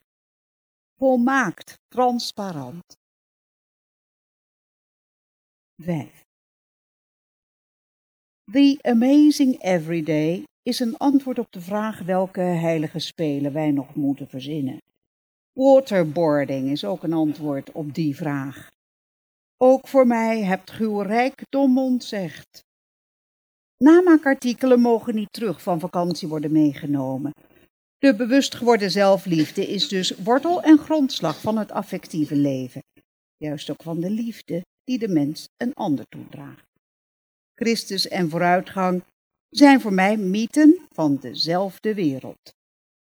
Je hoeft niet te leven. Varen is belangrijker dan leven. Het werkelijke is in ieder geval mogelijk. Ook kunnen zijn is een vorm van zijn. Maar goed, dan scheurt het moment en dan the amazing everyday. 6. In de 21ste eeuw liggen wij doodstil. Hoe lang duurt de 21ste eeuw? Deze scène is opgetekend in Istanbul op een hard bed waarin ik een stadsgedicht wil schrijven. Maar bedenk dat niks truttiger is dan de regels van de nukkige toeristen die zich dichters noemen.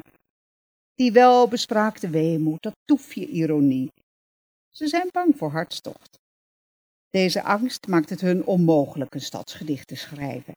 Ik deel hun angst. Bloem leest dit.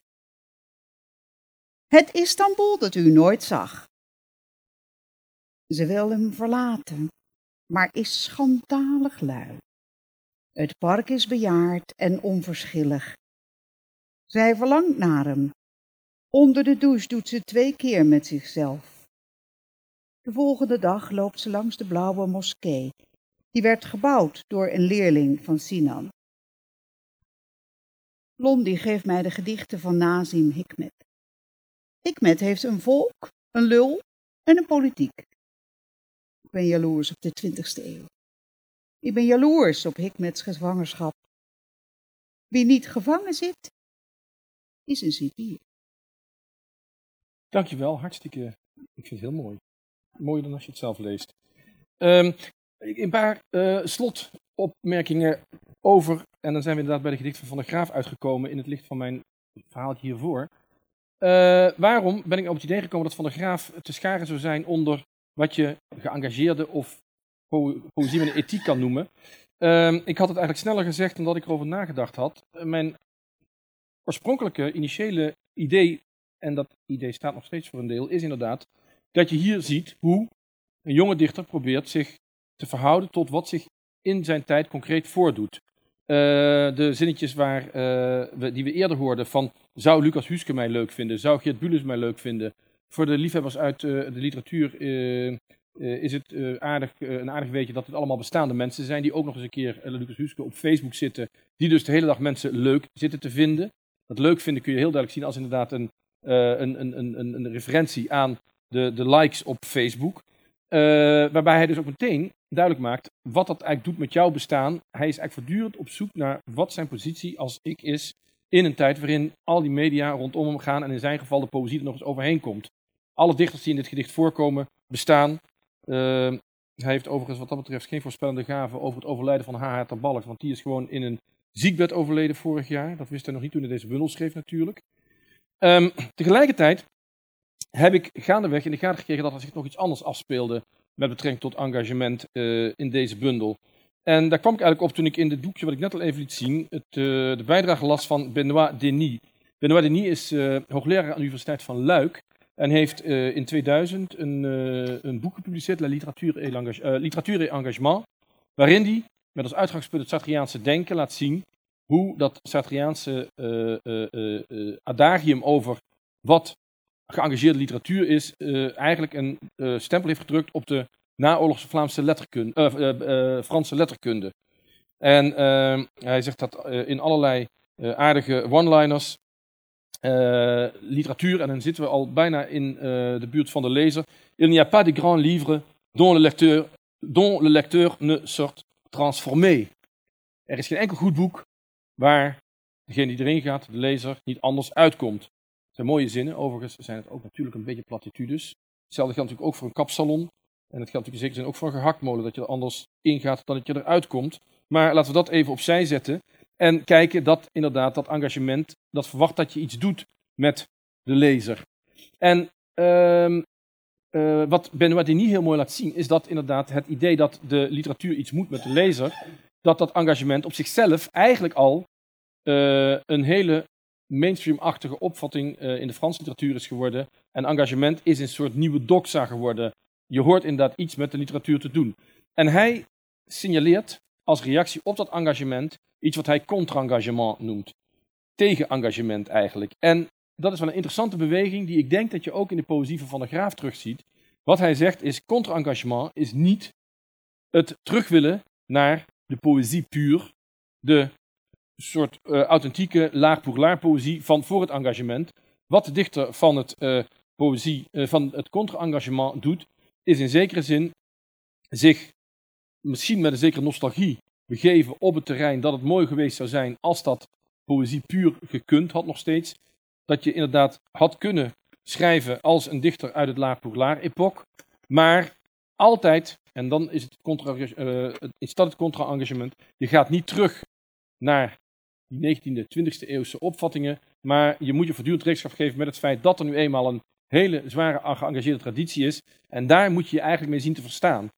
En het idee dat uh, de, uh, de, de literatuur eigenlijk injustifiabele is, zegt hij, maar uh, zonder engagement, maar tegelijkertijd niet kan doorgaan op de oude voet, dat leidt tot wat hij contra-engagement noemt. En toen ik met die blik de poëzie van, van Maarten van der Graaf herlas, het is dus geen retour naar voordien, maar het is een voortzetting van engagement met andere middelen. Toen vielen er voor mij toch wat stukjes op zijn plaats. En zeker dat allerlaatste, uh, de allerlaatste strofe die net voorgelezen werd, waarin hij het heeft over inderdaad een gedicht dat hij in Istanbul wil schrijven over Nazi Hikmet. Een dichter die natuurlijk een enorme politieke uh, impact had, die inderdaad evident een geëngageerde dichter was, bij uitstek een geëngageerde dichter. Wat zegt hij daarover? Ik ben jaloers op de 20e eeuw. Ik ben jaloers op Hikmets gevangenschap. Met andere woorden, hij zou in zekere zin graag een dichter zijn die ook dat soort impact zou hebben. Maar realiseert zich dat hij een Facebook-dichter van de 21ste eeuw is en voor andere uitdagingen gesteld is. Uh, ik denk dat ik het wat dat betreft even hier laat, want hier wil ik inderdaad nog het verhaal vertellen dat het ook allemaal met de lezer te maken heeft. Maar daar hebben we het eigenlijk al kort over gehad en daar kunnen we het nog verder over hebben. Maar ik denk dat het voor wat Maarten van der Graaf betreft dit even mijn verhaal was. Dank jullie wel. Uh, heel hartelijk dank. Ik wil Paul van Tongeren graag uitnodigen om zijn reactie te geven op dit verhaal. Uh, ja, een reactie, uh, dat is wat te veel gevraagd, denk ik. Maar ja. je kan misschien, Commentaar misschien. proberen uh, daar ehm, een, een, aanleiding daarvan een vraag te stellen. Ehm, eh, misschien te beginnen met het laatste. Het is mij nog niet helemaal duidelijk wat, wat nou jouw omschrijving is van geëngageerde literatuur. Wanneer spreek je van geëngageerde literatuur? Je hebt gezegd over wat dat bij Van de Graaf is. Mm -hmm namelijk zich betrekken op de wereld waarin die leeft. Dat is een zeer ruime ja. bepaling van, van engagement. Uh, je hebt het citaat van uh, uh, Benoit. Nee, wat is het? Benoit Denis? Of ja. Denis Benoit? Ik ja. moest ook even kijken. Het is Benoit Denis. Maar Benoit, dat zou ook andersom kunnen. Je kunt het makkelijk andersom schrijven, dat klopt. Um, dat het iets met de lezer doet, dat is zo mogelijk nog ruimer. Um, maar wat nou jouw omschrijving is van wanneer, van wat literatuur geëngageerd maakt, of wat dat is, engagement van de literatuur, dat is mij nog niet duidelijk geworden. Nee, nou, um, ik denk dat uh, wat ik onder engagement versta, of uh, uh, ik denk dat ik mij heel erg, ik zelf voel me heel erg aangetrokken op de manier waarop Jan Walravens erin stond. Een heel erg door Sartre geïnspireerde manier van de auteur zou zich inderdaad uh, uh, uh, moeten inlaten met inderdaad wat zich in die tijd aandoet. Maar dat is meteen met de, twee, met de paradoxale bijwerking die ik al zei. Dat Walras heeft eigenlijk in die zin een wat trieste pers. Aan de ene kant zie je dus dat wat er uit de uh, tijdenmensperiode overblijft, zijn eigenlijk allemaal gedichten die niets, tenzij je er een, een, een voetnootje bij zet, te maken heeft met die actuele tijd. Er zit uh, in Tijden Mensen onder andere een van de, nou, volgens mij bij uitstek, meest klassieke dichtbundels van na de Tweede Wereldoorlog uh, voorgepubliceerd, de Oostakkerse gedichten van Hugo Claus. En daar kun je heel veel over zeggen, maar niet dat ze nou ronduit geëngageerd zijn. Het is wel een soort uh, poëzie dat heel erg bijgedragen heeft aan het renommee van het tijdschrift, aan het renommee van Walraafs als ontzettend goede kunstkenner die in de gaten had waar hij de goede kunst vandaan moest halen, maar het is niet geëngageerd. Hmm. Dus dat is een beetje zijn tragiek. Um, ik ben geneigd het heel erg in die richting te zoeken. En engagement is in ieder geval zeker niet, uh, nou ja, de voorbeeld die ik aanhaalde uit de, de, de, de orthodox-socialistisch-communistische hoek, het eenduidige moralistische. Uh, maar dat het tegelijkertijd heel complex ligt, uh, dat had ik in een stukje staan wat ik niet heb overgeslagen gelette tijd, is een discussie die een paar jaar geleden geïntermeerd is door een collega van mij uit Amsterdam, Thomas Fases, die toen dat tijd de roman, sommigen van jullie kennen het misschien, de studie De Revanche van de Roman heeft geschreven, waarin hij signaleerde dat er volgens hem na 9-11 toch stilaan een andere tendens in de literatuur waarneembaar was, die zich inderdaad wat meer weer opende naar de wereld. Uh, die inderdaad uh, door, nou ja, eigenlijk weer zo'n grote gebeurtenis als wat we nu met de vluchtelingen zien, dat je inderdaad literatuur ging kijken die je niet anders kunt lezen dan door de ogen van 9-11. Het gekke is, dat boek is eh, op een hele merkwaardige manier in een, eh, in een beweging terechtgekomen, waardoor schrijvers zich eh, eh, eh, eigenlijk eh, op hun nummer gezet voelden van hé, hey, de professor uit Amsterdam gaat uitleggen wat wij moeten. Nou, engagement willen wij zeker niet. Dus daar zie je alweer aan dat het ook heel complex is wat, hoe je engagement in de literatuur zou moeten definiëren. En dan toch even terugkomen naar mijn eigen definitie. Ja, ik denk inderdaad eh, een duidelijke reflectie op wat je als mens in je directe omgeving meemaakt. En, maar ja, dat is natuurlijk een, een, een algemeenheid als de dood of het, sterven ook. Maar toch wel bij voorkeur iets wat ook te maken heeft met inderdaad het, het, het, het, functioneren in een sociale context. Zoals je dat inderdaad bijvoorbeeld bij eh, Van der Graaf ziet in zijn wereld van Facebook, van eh, poëzie, van de vraag wat je kunt betekenen voor de mensheid. Dat, daar, daar, in dat krachtveld bevindt zich ergens, denk ik. T- Twee volgende vragen dan, eh, zolang als ik Ja, mag. Eén, ehm, begrijp ik het goed als je zegt er zijn eigenlijk twee eh, heel verschillende interpretaties van geëngageerde literatuur. De een die je zeker niet wilt volgen en die maakt het engagement tot een boodschap. En Ja. daar is Teun de Vries en zo, en Mhm. de socialistische versie van Gorter en zo kun je daarbij nemen. Het twee, ehm, het zich betrekken op concrete omstandigheden, maatschappelijke omstandigheden, persoonlijke omstandigheden enzovoort. De relatie leggen met het concrete, met het Ja. particuliere. En dat is de betekenis die je wel wil volgen. Dat, dat, zou, er, dat, dat zou denk ik een zijn. Ja, het, het ingewikkelde is natuurlijk. Eh, Want daarbij is de vraag mhm. wat, waar, waarin het engagement dan bestaat. Hè? Dus wat, Ja. het is zich betrekken op het concrete, maar waarom is dat geëngageerd? Nou, ik, ik denk dat je dat eigenlijk, maar dan eh, praat ik eigenlijk voornamelijk als literatuurhistoricus en, en niet, eh, niet als, zeg maar, wat mijn persoonlijke visie erop is. Ik denk dat je daar het heel du- duidelijk moet zien als reactie op een soort van literatuur die zich inderdaad heel nadrukkelijk, bewust onttrekt aan die, dat met de actualiteit bezig zijn. Je moet voor de aardigheid, maar eh, gewoon in een, in een krantenbak, van LexisNexis of zo, eh, of een recensie, een recensiedatabase, intikken hoe vaak nog steeds eh, als compliment het woord universeel wordt gebruikt. Dichter of schrijver die en die weet op fenomenale wijze een universeel thema uiteen te zetten dat van alle tijden is. Dat is heel erg ingesleten. En dat is eh, eigenlijk het soort literatuur waartegen geëngageerd werk zeg, zeg maar, zich af wil zetten. Het is inderdaad een vorm van, van, van inderdaad je, niet het idee dat je alleen maar voor de eeuwigheid schrijft. Het gekke is overigens dat zeker ook uit die tijd van, de, van mijn proefschrift, die, die Vlaamse voorgangers, Belgische voorgangers van Tijd en Mens, al die mensen die voor de eeuwigheid schrijven, die zijn hartstikke vergeten. En Boon en Klaus zijn het niet. Dus dat maakt het ook, eh, dat maakt het ook nog eens een keer extra paradoxaal. Ehm, tegelijkertijd realiseer ik me ook dat het hele ingewikkeld natuurlijk is dat ehm, het, het, het, aansluiten op algemene thema's natuurlijk ook helemaal niet ongeëngageerd kan zijn. Het feit dat bijvoorbeeld een thematiek als, ja, waar ik zelf heel erg dol op ben, de, thematiek van, van, van, van eh, het, het Faustmotief. Marieke, van Marieke van Nimwegen tot Mephisto van Klaus Mann, dat is in zekere zin eigenlijk altijd hetzelfde mechanisme van eh, je belooft iemand op korte duur iets prettigs, met als consequentie dat je op lange duur een hoop ellende over je afroept. Of dat nou inderdaad eh, politieke ellende is of inderdaad het hellevuur. En dat is natuurlijk in zekere zin hartstikke universeel.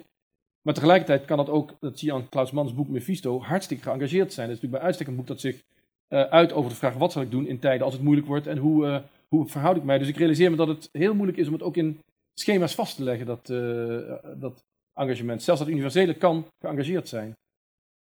Eh, In dat, in dat voorbeeld van Klaus Mann wat je geeft, ga je toch volgens mij dan een beetje naar die andere betekenis van geëngageerd. Namelijk niet alleen betrokken op concrete situaties. Ja. Eh, want tot op zekere hoogte zijn die ook bij Klaus Mann nog fictief, zou je kunnen zeggen, of in ieder geval gefictionaliseerd. Ja. Maar zeg je hoe je je moet gedragen in bepaalde situaties. En dan, wordt het, dan komt het toch aan de kant van de boodschap. Ja, nee, dat is wel waar. Dat klopt. Ja. Maar ja, goed. Ik, ik, ik denk dat ik me op zich in. in maar maar dat, dat weet jij ongetwijfeld beter dan ik, dus ik begeef nu op heel glad ijs. Ik denk dat ik me een beetje in het goede gezelschap van Sartre bevind. Die natuurlijk volgens mij ook altijd heeft lopen worstelen met de kwestie. Enerzijds, je neemt. Je bent existentialist en je neemt dus inderdaad elke stap die je zet is een beslissing die je maakt. Maar tegelijkertijd is er ook nog zoiets als kwade trouw. Dat? Mauvaise foi. En die maakt dat je niet zomaar eh op, weg mensen mag gaan vermoorden. Dat kan niet. Ja, en waar zit die moraal dan? En volgens mij eh, is, is dat bij Sartre heel erg ontaardig dat hij op een gegeven moment toch een hele orthodox communistische kant op ging. Maar het is bijvoorbeeld Walraaf's probleem ook altijd geweest. Walraaf zelf had als achtergrond dat hij een, een, een, zeer orthodox-katholieke, uh, niet eens van geboorte, maar zelf aangeleerd heeft in zijn puberteit, jeugd heeft gehad. Met een heel strenge moraal. En dat hij daar dus van af wilde. En toen altijd aan het worstelen is gebleven van ja, maar zonder moraal kan het ook niet. Maar Sartre zegt dat het eigenlijk wel zonder moraal moet. Hoe moet dat nou? Dus dit is een pijnpunt en dus ik, ik, ik ontwijk een antwoord door mij in een goed gezelschap uh, te plaatsen. Maar... Um... ik denk dat je bij Sartre nog, nog, nog op een andere manier de, de, het, het, probleem terugziet. Hij zal nooit zeggen wat je moet doen. Maar hij zegt wel voortdurend dat je iets moet doen. Namelijk, je moet jezelf de verantwoordelijkheid nemen voor wat je kiest en zo. Dus daar zit een moralisme, een soort metamoralisme of een moralisme op metaniveau wel heel sterk in. En opnieuw, als engagement. Dus engagement komt heel gemakkelijk in de buurt van moralisme, dat willen we vermijden. Tegelijkertijd, als we het er helemaal uithalen, dan lijkt er eigenlijk te weinig over te blijven. Dat wil zeggen, als het alleen maar zich betrekken is op het concrete, dan lijkt het te weinig om op grond daarvan van geëngageerd, uh, of van, ja, van geëngageerd te spreken. Uh, daar wilde ik de, de, andere vraag nog over stellen, over wat eigenlijk het onderscheid is tussen universeel en particulier, want dat lijkt aan het onderscheid wat je maakt. Hè? Als je nou bijvoorbeeld deze gedichten neemt, hè, die we nou net gehoord hebben. Van de ene kant is dat extreem particulier. Ik lig hier op mijn bed met die en die. Ik ben in Istanbul. Ehm, terwijl van de andere kant denk ik dat je niet anders kan als lezer dan dat particuliere op een of andere manier universeel maken. Want ik ben niet in geïnteresseerd in of meneer de Graaf op zijn bed ligt of niet. Dat interesseert mij niks. Nee. Uh, daarom lees ik dat gedicht niet. Maar ik, ik lees het om iets wat boven die particulariteit uitgaat en wat mij iets te zeggen heeft. Dus hoe, hoe, hoe, verschillend is het eigenlijk? En bovendien, als, eh, de literatuur die dan universeel is, die kan ook nooit zo universeel zijn dat ze het alleen maar. Dat wordt geen Platoonse metafysica of zo. Dat blijft nog steeds gaan over een figuur die ergens in een bepaalde omstandigheid iets doet enzovoort. Wordt het universele niet vanzelf particulier in de literatuur en wordt het particuliere niet onvermijdelijk universeel opnieuw in de literatuur, tenzij het mislukt? Ik, ik, ik denk dat het alleen al. Ja, ik denk dat je gelijk hebt. Dat, uh, ook daar zit je weer met een, met, met een, met een, een vraagstuk. Het, het, moet tot op zekere hoogte universeel zijn, precies om de redenen die je zegt. Waarom blijven wij het interessant vinden dat Van der Graaf dit schrijft, als je het al interessant vindt? Ik, bedoel, ik, ik vind het ontzettend fascinerende poëzie en ik, ik geniet daar enorm van. dus hij is erin geslaagd, terwijl ik hem nooit ontmoet heb, niet eens weet hoe hij eruit ziet. met andere woorden, er is daar iets gebeurd met die tekst dat mij raakt. En waarvan ik op een gegeven moment denk van ja, maar dit zegt ook iets over een manier van in het leven staan die ik, die ik herken in mijn omgeving. Wat inderdaad al, al is mijn omgeving misschien heel klein en is de omgeving van uh, Maarten van der Graaf ook heel klein. Dat is een omgeving die uh, door, uh, vooral bestaat uit zeer hoog opgeleide mededichters, zal ik maar zeggen. Dus dat klopt. Tegelijkertijd denk ik dat hij wel heel nadrukkelijk ervoor kiest om inderdaad. je zult in die poëzie nou, wat een, een, voorbeeld is wat, waar hij volgens mij speelt met dat, met dat universele is, die, dat heel mooi gedaan, dat steeds herhalen van die maxime. Dat is natuurlijk bij uitstek het, het, het, de, de, de, de hefboom in traditionele poëzie, een algemene waarheid. Uh, doodslaan deed hij niet, want tussen droom en daad staan wetten in de weg en praktische bezwaren. Dat kun je overal voor gebruiken. Dat kun je gebruiken inderdaad uh, voor, voor, een redactioneel commentaar over een kabinetscrisis of voor inderdaad, nou ja, noem maar op. Dat is een maxime omdat hij appelleert aan iets universeels. En ik heb de indruk dat hij bijvoorbeeld door inderdaad een paar van die uh, zinnen alleen maar uit en treuren te herhalen, dat hij eigenlijk het idee van die maxime, van die algemene waarheid eigenlijk parodieert, pasticheert en eigenlijk een beetje ontkracht. En dat is volgens mij een plek waar hij ook speelt met het idee dat dat universele geen, geen, geen, geen waarde is waarin hij aan wil refereren. Dus het is, je hebt volgens mij precies de vinger op de, de lastige plek gelegd, maar ik denk dat het ook wel de plek is waar juist deze poëzie heel, uh, heel interessant wordt. Ja, voor mij althans. Ik ga jullie hier onderbreken, want ik kan me heel goed voorstellen dat ook in de zaal nog vragen leven over de poëzie uh, en wat, zeker ook wat Maarten van der Graaf bij ons uh, oproept, maar misschien ook andere vragen. Wie mag ik het woord geven? Niemand. Ja, hier, toch wel.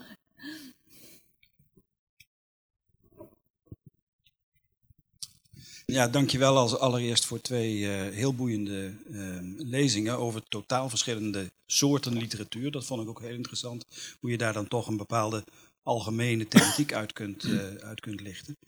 Um, ik zou jullie eigenlijk alle twee, nu deze discussie gaat over dat particuliere en dat universele, een soort derde mogelijkheid voor ogen willen toveren of willen suggereren. Namelijk iets wat daar precies tussenin zit. Dat wil zeggen, breder dan de particuliere, unieke ervaring van de auteur, maar smaller dan iets universeels wat voor alle mensen herkenbaar zou moeten zijn en van toepassing zou moeten zijn. En dat zit misschien ook wel in die herhaalde zinnen. Want die worden niet eindeloos herhaald, maar vijf, zes, zeven keer herhaald maximaal. Dus daar zit iets in van dit is breder dan alleen maar deze persoonlijke ervaring, maar zonder de pretentie dat het universeel is in de zin van voor alle mensen of van alle mensen. En er zit misschien een andere gedachte die bij mij opkwam, naar, vooral naar het tweede verhaal luisterend, maar eigenlijk terugkijkend naar het eerste. En die vraag van Paul, van wat is nou dat engagement? En dat sluit hier denk ik bij aan. Um, zit dat niet op een bepaalde manier in een soort verwijzing naar de ernst van de situatie of zo? Dus dat, dat de dichter is in Istanbul, die maakt er bepaalde dingen mee. Er wordt hem een dichtbundel gegeven en hij denkt daar allerlei dingen bij. En, zo. en dat hij als het ware wel aan wil geven, dat gaat niet alleen maar over mij. Dat is niet alleen maar toevallig, dat is niet alleen maar ik, hier en nu. Uh, puur singulier zou je kunnen zeggen, maar dat heeft een... Er is hier iets aan de hand, dit gaat ergens over, ook al is het heel concreet en tegelijk ook heel erg aan mij als persoon gebonden. Maar zou dat engagement dan misschien daar kunnen zitten, in een soort van, hier is iets aan de hand, zoiets. Van wie zou je een reactie willen? Van een van beiden, maakt me eigenlijk niet uit. Het gaan.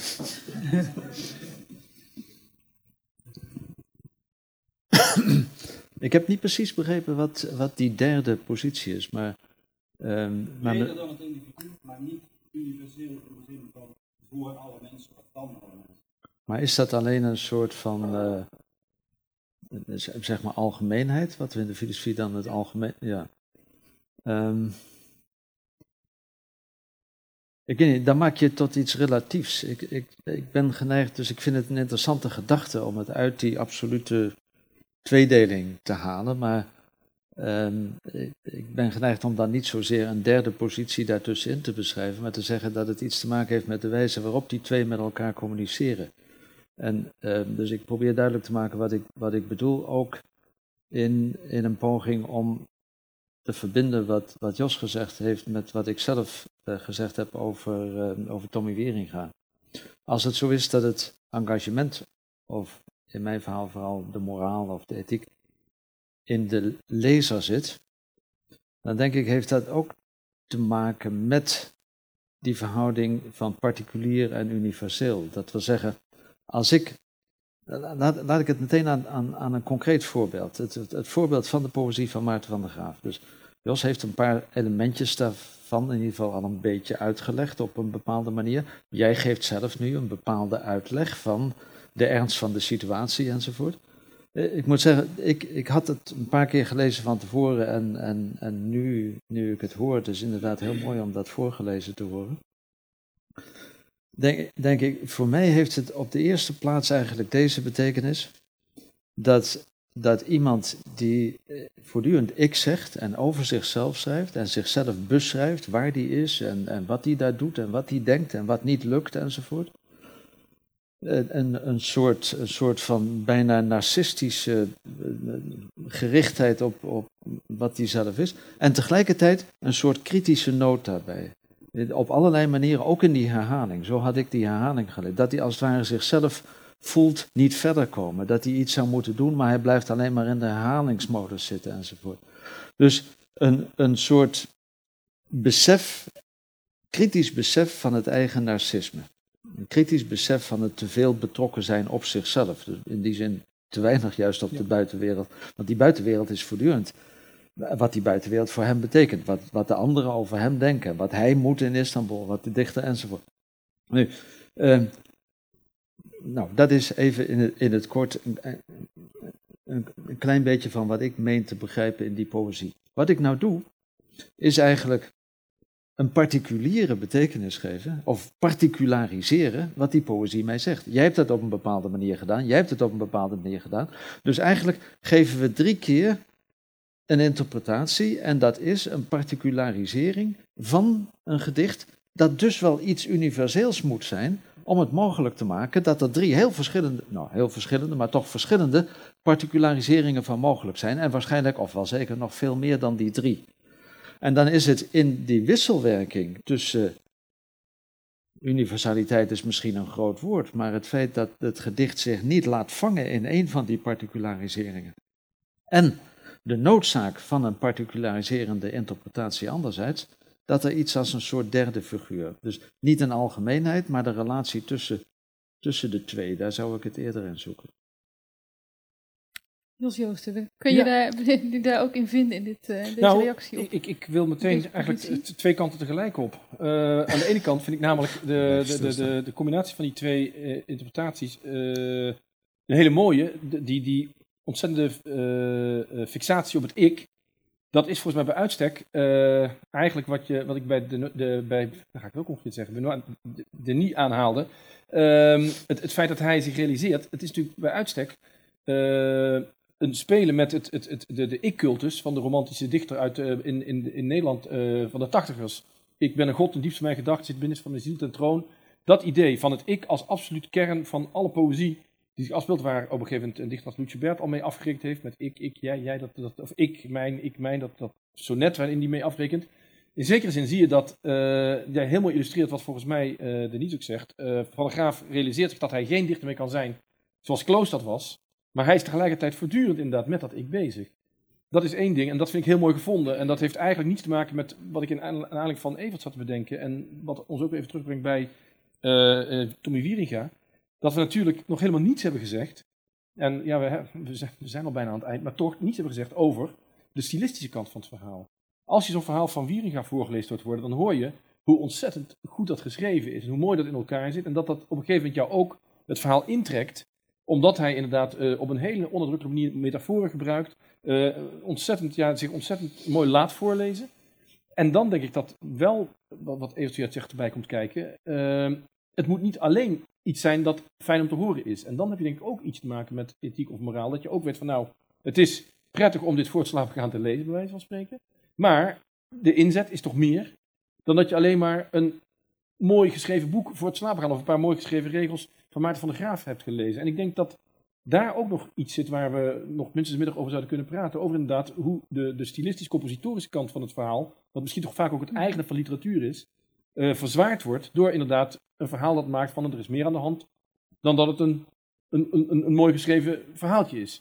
En dan zit je toch weer inderdaad ergens in de moraalhoek of in de moraal, betekenishoek. Maar ik denk dat dat wel iets is waar ook aandacht aan besteed zou moeten worden. Wat inderdaad, ja, de, de stijl Ja, ongetwijfeld. En, en um, het, het, het, is alleen altijd heel moeilijk, vind ik, juist bij literatuur, om de, trouwens bij filosofie ook, om de, de stijl en, en ja, wat is het andere? Het verhaal, de inhoud, uit elkaar te halen. Het gaat eigenlijk niet, hè? Uh, overigens bij, bij, bij Wieringa, uh, ik ben blij dat je dat al herkende uit dat fragment inderdaad, hoe die, hoe die stijl dat doet. Ja, hij doet het trouwens ook op een omgekeerde manier volgens mij, met name in die in die eerste, wat ik de eerste verhaallijn noemde van de, de vluchtelingen, zeg maar. Dat wil zeggen, mijn ervaring bij de lectuur daarvan was dat het heel moeilijk is om daarin te komen. Dat hij je eigenlijk niet zozeer buiten doet, buiten duwt, maar je laat merken dat, dat dat een vreemde wereld is. Een wereld die wij precies niet kennen. Ja. Dus dat is een van de, van de, volgens mij, verbindingen die nu ook gelegd wordt door, tussen de, de, de, de vluchtelingencrisis en, en het boek van, van, van Tommy Wieringa. Dat het van de ene kant herkend wordt, zo moet dat zijn, maar tegelijkertijd als iets waar je niet bij kan. Wat, wat eigenlijk te, te gek voor woorden is, of te schandalig ook voor woorden is, wat daar gebeurt. Dus hij, hij duwt je tegelijkertijd buiten. En als wij nu als uh, gewone burgers kijken naar de vluchtelingen en zoeken toch naar um, antwoorden en, en misschien ook juist zoeken in die verplaatsing, is dat ook niet iets wat we dan zo'n boek ons te bieden heeft? Waardoor je kan zeggen, ja, het is dan misschien niet zo bedoeld, maar het geeft ons wel uh, dat houvast om er in ieder geval over te kunnen praten en het misschien ook wat meer diepgang te geven in een publieke discussie. Nou, of het, of het ja.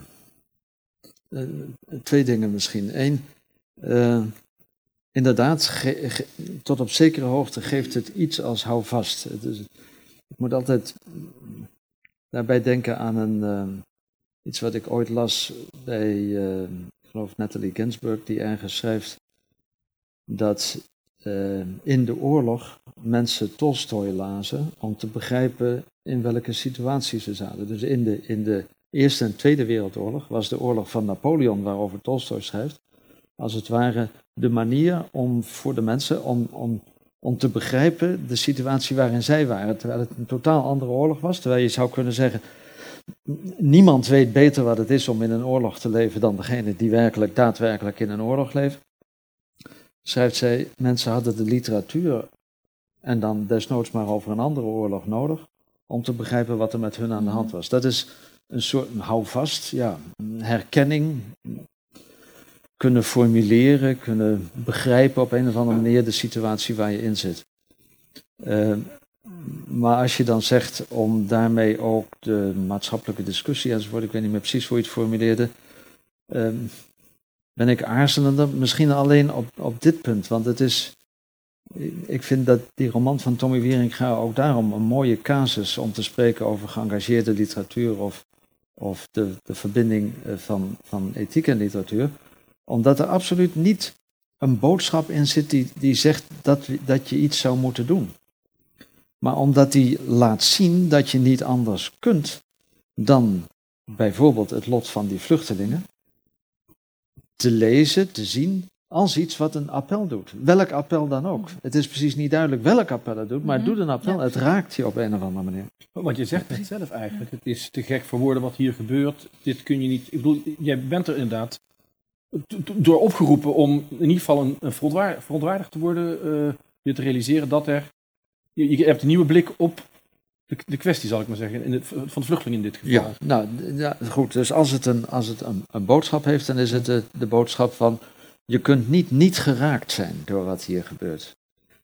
Maar op welke manier geraakt, of in welke actie die geraaktheid zich moet tonen, dat, dat, en, en, daar is misschien ook een onderscheid te maken tussen moralistische literatuur, die gaat zeggen wat je moet doen, en literatuur die, die meer geëngageerd is dan alleen maar betrokken op de werkelijkheid, zonder moralistisch te worden, die precies laat zien dat je niet, niet geraakt kunt worden door wat hier beschreven wordt. Ik denk dat dit een heel mooi punt is om uh, af te ronden. We kunnen hier nog lang over doorspreken, maar het is het niet, het niet, niet geraakt worden. Uh, denk ook precies waar het over gaat. Um, ik dank jullie beiden heel hartelijk voor jullie bijdrage. Dank, dank Fransje Broekema voor het prachtige voorlezen. Uh, na afloop straks hierachter is nog een gelegenheid om een drankje te drinken en misschien nog even na te praten over deze thematiek. Heel hartelijk dank.